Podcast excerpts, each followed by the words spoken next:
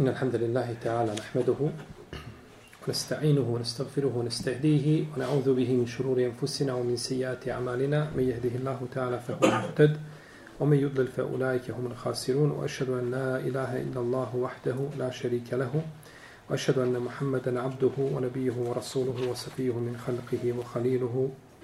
Mi smo došli do poglavlja Enehijan Sabirih zabrana vrijeđanja vjetra.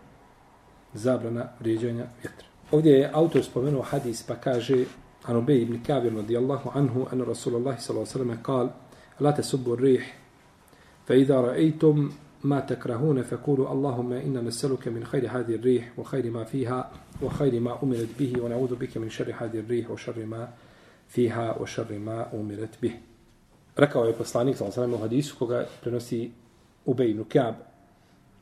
Nemojte vrijeđati vjetar kada vidite nešto što vam se ne dopada, što vas uznemirava, jak vjetar, je li?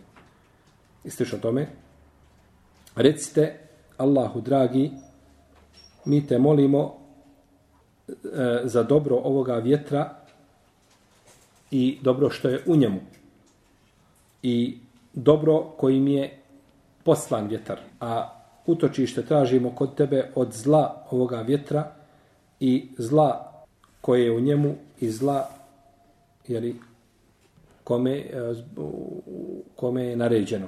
Kaže vam Tirmizi da ovaj hadis je rodostojan. Kaže se, late subburih, nemojte vrijeđati vjetar. Vi ćete često na, naići danas u knjigama da se prevodi s arapskog jezika, kaže se ova riječ sebe je subbu, da se prevodi kao psovanje. Taj prevod nije ispravan. On je ispravan djelomično. Sebe u arapskom je vrijeđanje. Znači, psovke koje na našem jeziku mi imamo, to ima nigde na zemlji. To ima u našim podnebljima. I dobro je kako Allah nas drži, kako na zemlji, znači, način znači, vrijeđanja. U arapskom je sebe, je subu nekoga što mi predujemo psovanje, to je vrijeđanje. Pa je vrijeđanje vjetra, vrijeđanje vjere, men sebe din, ko psuje vjeru, ne ko psuje vjeru, ko vrijeđa vjeru, bilo čime. To tako? Kažeš islam, ono ovako rukom pokaže. To je to je vrijeđanje. To je to sebe. A nije znači čisto jezički da čovjek mora jezikom, znači nekakvom frazom, je tako ružnom, da mora uznemiriti, znači ovaj uh, Allaha za učinu njegovog poslanika sa osrame ili nešto od vjere. Pa se kaže, nemojte vrijeđati vjer. Znači, nemojte, da tako, pa je vrijeđanje vjetra zabranjeno, jer je vjetar Allahova odredba, njegov emr, njegova naredba. On ga je poslao, pa je vrijeđanje vjetra vrijeđanje u stvari onoga koje je stvorio vjetar i koje je dao vjetar. Ista stvar kao kada smo govorili po pitanju čega? A? Vremena. Pitanje vremena. Vrijeme, znači, ne, late subu dehr. Nemojte vrijeđati. Kako ne smijemo, znači, vrijeđati vrijeme i da govorimo, ne znam, ružna godina, ružno ovo, ružno ono, tako ne smijemo, znači, ni vjetar. Jer je to sve od stvoritelja te barake, od teala. Pa ispada kao da čovjek vrijeđa Allaha za uđel, a to je od paganskih običaja i to neće činiti onaj ko ima u srcu, jel tako, imalo imana. Potom nas je poslanik, sallallahu alaihi sallam, nakon ovoga upozorenja, imalo ovo braći imalo ovo igdje na zemlji, da ovako, da vjera ovako odgaja ljude. Ulazi u sve pore tvoga života. Ne možeš vjeru odvojiti ni kad spavaš, ni kad jedeš, jel tako? Kad jedeš imaš 25 sunneta koje trebaš primijeniti, kad jedeš. Neka nam spomenu tamo neki pola sunneta od svoga jednog poslanika u lažnoj predaji sa lancem prenosilaca, pola sunneta nek spomenu da ima nešto. Pa islam znači uče kako da se ponaša, kako da govori, kako da priča, kako da se ophodi prema pojavama koje se pojave prema svemu. To je znači veličina naše vjere, šarijeta, stvoritelja Tebarake, Oteana. Pa kada vidite nešto što vam se ne dopada, onda tražite utočište, vratite se, znači teuhidu i stvoritelju Tebarake, Oteala, i od njega zatražite znači da vas poštedi onoga eventualno što bi moglo biti u njemu zlo po vas. Ovo je svakako znači stanje vjernika za razliku od fasika koji, jel tako, vrijeđaju ovaj, ne samo znači, te pojave, nego vrijeđaju otvoreno, znači, znači islamske ili vrijednosti. U ovome hadisu imamo nekoliko, odnosno u ovome, ovome pogledu imamo nekoliko, pošto je pogled kratko, ovaj, e, imamo nekoliko mesela. Prvo je zabrana vrijeđanja vjetra, a šta ćemo kazati kada vidimo ono što nas uznemirava ili što preziremo. A ovdje imamo dokaz da je vjetru naređeno. Da je vjetru naređeno. On ide i duva i naređeno mu je šta će, je tako? Tu demiru kulle šein bi emri rabbiha. Da je vjetar rušio sve do čega je došao naredbom gospodara tvoga. Pa uzvišen Allah naređuje vjetru. I on je, znači, njegovo stvorenje koje mu je pokorno. Pa nije dozvoljeno, znači, vrijeđati ga. To nije od svojstava, znači, pravovjerni. Nakon toga ćemo uzeti jedno poglavlje ili govoriti o poglavlju Mađajeti i Munkir Kader.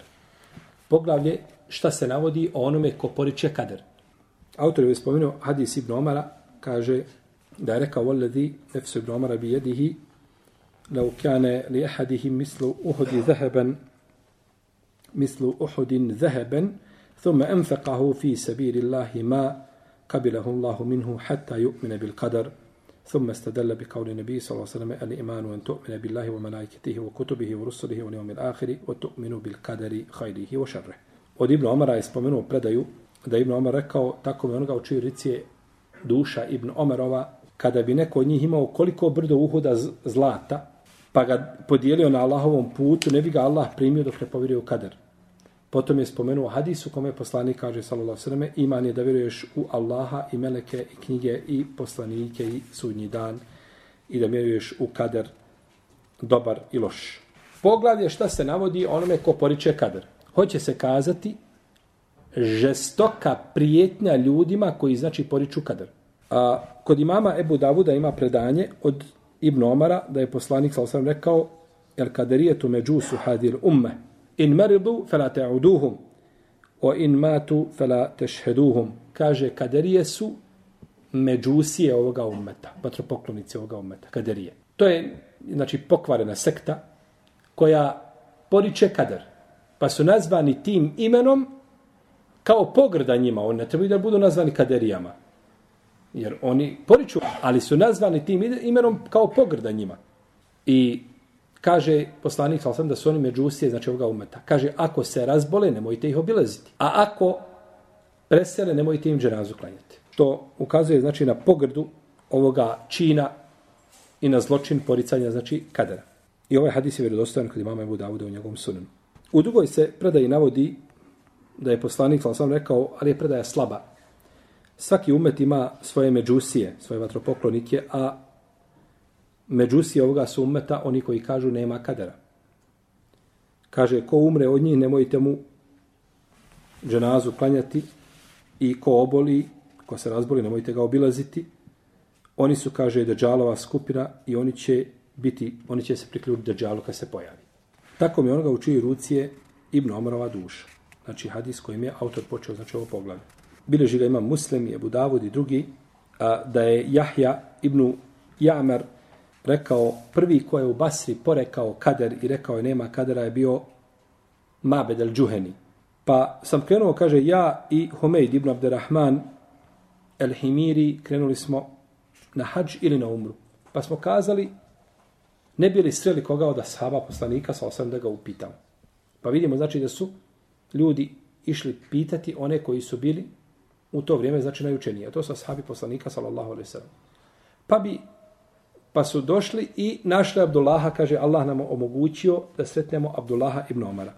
Ovo je znači, zbog čega je, jel ovaj ibn Omar samo rekao ovaj hadis tako, onoga u čiji ruci je moja duša, nejasno, ali kusa, zbog čega je počeo? Zbog čega je govorio ibn Omar te riječi? Ali ovdje priča pojašnjava da se nešto desilo, pa da je došao, znači da je upitao ibn Omara, pa da je ibn Omar znači odgovorio. Kaže, imaju, kaže, kod nas ljudi koji kažu nema kadara nakon što su vidjeli Abdullah ibn Omara da ulazi u džamiju, kaže, upitali smo ga o tome, kaže, oni su ljudi koji uče Kur'an i koji uče nauku. Pazite, ovo je jako bitno. Ljudi uče Kur'an, pobožnost, tako? I uče nauku. Stalno sa knjigom drži knjigu. A ništa skužio, ništa naučio nisi. Jer nije samo znanje učiti, čitati knjige. To je lijepo i to je pohvalno, toga ima koristi. Ali mora čovjek znati, znači, krenuti sa ispravni temelja da stječe znanje. Kad uzmeš temelje ispravne, I onda koliko god da širiš, uvijek imaš jake temelje. Ali ako čovjek uči znanje, uči nauku i kaže nema kadera, ili nema meleka, ili ne znam, porekne osnovni temelj islama, kakva je korist nakon toga sve nauke koju čovjek uči? Pa kaže, on uče nauku. A smatruje da nema kadera. Već da je stvar onako od robova, a nije od Allaha. To se tako dešava. Kaže Ibn Omar, kada ih sretnete, recite im da se ja njih odričem i oni mene neka se odreknu. Potom je rekao, znači ovo da, kada bi neko od njih dao koliko brdo uhud zlata, ne bi se mogao, ne bi se mogao iskupiti zbog zločina koga je, je učinio, poričući, poričući, jeli, kadar. Potom je rekao, pričao mi je moj babo. Omar radijallahu talanu, kaže, sjedili smo sa poslanikom, sallallahu sallame, kaže, pa je došao čovjek a, crne kose, a, bijele odjeće, ne vide sa njim tragovi puta, a nikoga ne zna. Pa je sjeo, kaže, pored poslanika, pa ga je pitao, o Muhammed, obavijestimo islamu, obavijestimo iman, pa ga obještavao. Znači, hadis Džibrila poznati, dugi hadis koji je temelj vjerovanja. I kaže mu na kraju šta je ovaj šta je iman, pa ga je obavijestio šta je iman, da, u šta da vjeruje. I na kraju kaže da vjeruješ u kader a, dobar i loš.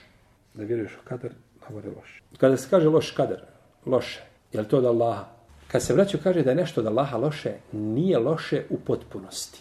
Nema od Allaha ništa što je loše 100% šar. Znači nema nikakvo. Allah da nešto i za tebe djeluje to loše, a može biti šta? Lako. I koliko se puta zahvalio Allahu na nečemu što se loše desilo. Najgora stvar potrebno je, ja Allahu hvala što se tako desilo. Da nije tako bilo, Allah zna kako... Pa je ovaj čovjek sudi, jel tako, kratkovidnim očima, gleda znači svoju tu ličnu korist, a ovaj, znači, stvarno svega toga zna uzvišeni Allah. I to je značenje o šaru lejse i lejk, a zlo se tebi ne pripisuje. Zlo se misli šta? Apsolutno zlo. Znači toga, to se ne pripisuje stvoritelju Tabarak Tola i ni od njega. Kaže, ovo je Džibril došao da vas pouči vašoj vjeri. Ovo je Džibril došao da vas pouči vašoj vjeri. Vjerovanje, znači u kadri je jedan od osnovnih, znači temeljnih ubjeđenja i koga ostavi ili ga porekne, liči onome kako uzvišenje Allah kaže efetu minu ne bi ba'd ili o tekfuru ne bi ba'd. Hoćete li vjerovati u jedan dio knjige, a ne vjerovati u drugi dio. Pa je znači a, poricanje kadara, poricanje znači islama. Došao je El Walid ibn Ubade kod svoga oca Ubade ibn Samita dok je bio na smrtnoj posteli. Pa mu je rekao, kaže, babo, nasavjetuj me. Kaže, ali nasavjetuj me onako, dobro me na savjetuj. Znači, osjeti da je to zadnji savjet koji će biti. Kaže, pa je rekao, kaže, ispravite me, bio nasloven, pa su ga ispravili. Pa rekao, kaže, sine, nećeš osjeti slast imana dok ne budeš a, vjerovao u kader, dobar i loš. Pa sam rekao, kaže, babo, ili babuka moj, kako ću znati šta je dobar i loš kader? Kaže, da znaš ono što te je promašilo, da te nije moglo sustići, nije te moglo, nije te moglo zadesiti. A ono što te je zadesilo, nije te moglo promašiti. Ono što si dobio, to ti je Allah odredio, to te nije moglo promašiti. A ono što te promašilo, da se ljudi džini iskupili, nije te moglo zadesiti. Ti došao tako u trgovini, ima nekako sniženje, tamo nešto za buza što se prodaje, i ti na vrata kaže, evo, kaže, upravo ovaj gospodin, kaže, uze zadnji ovaj komad, i za tebe nema. I ti onda pođeš polako na brajet. Dosta na nabrajaš, uziš u kuću nabrajaš, ili tako. E da sam ja ovako, da sam ja samo ranije, da nije, eto žena, da si mi ranije cipele očistila i stavila na polja, nisam morao čekat, ja bi uletio prije pet minuta, ja bi to uzeo. Ja nisi mogao, to je zapisano, 50.000 godina prije stvaranja nebesa i zemlje, da to tebi nije određeno. I to nisi mogao ničim se pribaviti. E ko bude vjerovao u taj kader, on će se odboriti u životu. Što ne znači, je tako, da će sjediti sve što se desi i kaže, jel, on radi što može i što je do njega. Ali ako ga ne zadesi, neće očaj padati zato što ga nešto nije zadesi, jer ti to nije propisano. Nije Allah htio da to te bude. Da je Allah htio, to bi to propisao.